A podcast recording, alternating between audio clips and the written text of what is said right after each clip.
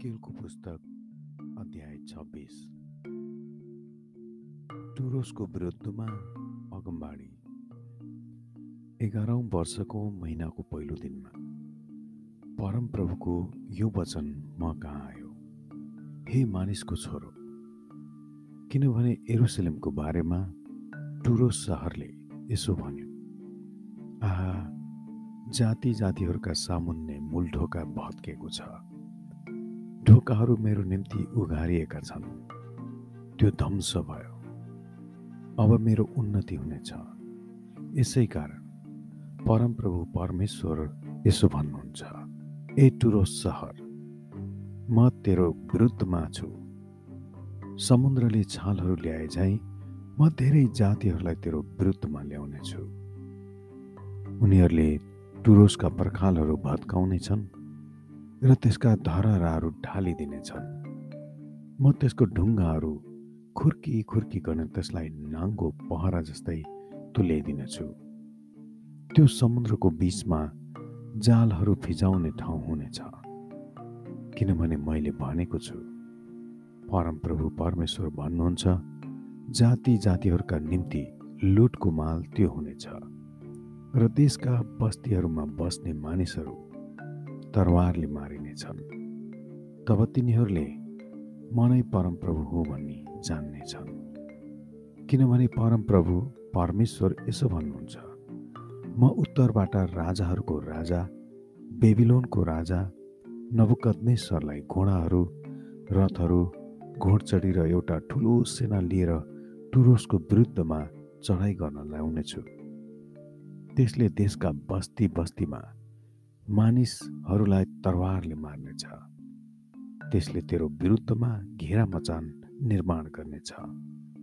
तेरा पर्खालहरूमा आड लाग्ने किल्ला निर्माण गर्नेछ र तेरो विरुद्धमा ढालहरू बनाउनेछ। त्यसले पर्खाल भत्काउने मुढाहरूद्वारा तेरा पर्खालहरू भत्काउनेछ र त्यसका हात हतियारहरूद्वारा तेरा धरहराहरू ढालिनेछ।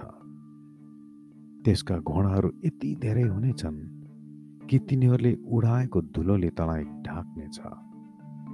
कुनै एउटा सहरभित्र छिरिजानलाई मानिसहरूले पर्खाल भत्काउने जस्तै जब त्यो तेरा ढोकाहरूभित्र पस्छ तब युद्धका घोडाहरू गाडाहरू र रथहरूको आवाजले तेरो सहरका पर्खालहरू हल्लिनेछन्।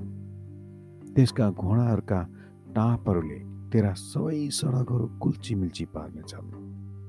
त्यसले तेरा मानिसहरूलाई तरवारले मार्नेछन् र तेरा बलिया बलिया खाँबाहरू जमिनमा ढल्नेछन्।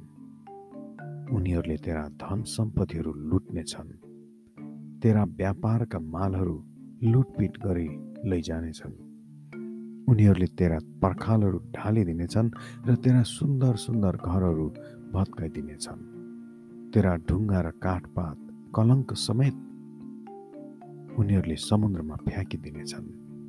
म तेरो गोलमाले गीतको स्वर खत्तम गरिदिनेछु।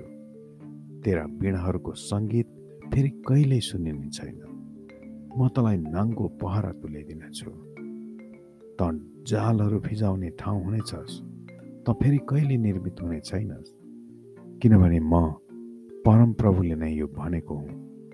परमप्रभु परमेश्वर यसो भन्नुहुन्छ। परमप्रभु परमेश्वर टुरो सहरलाई यसो भन्नुहुन्छ। घाइतेहरूले जब कष्टको स्वर निकाल्छन् जब तेरो बिचमा मारकाट हुनेछ तब त ढलेको स्वर सुनेर के समुद्र किनारमा मुलुकहरू काम्ने छैनन् तब समुद्र किनारका मुलुकका सबै राजकुमारहरू आ आफ्नो सिंहासनबाट ओर्लेर आफ्नो पोसाक उतार्नेछन् र बुट्टा भरिएका वस्त्रहरू फुकाल्नेछन्। त्रासले तिनीहरू थरथराउनेछन्।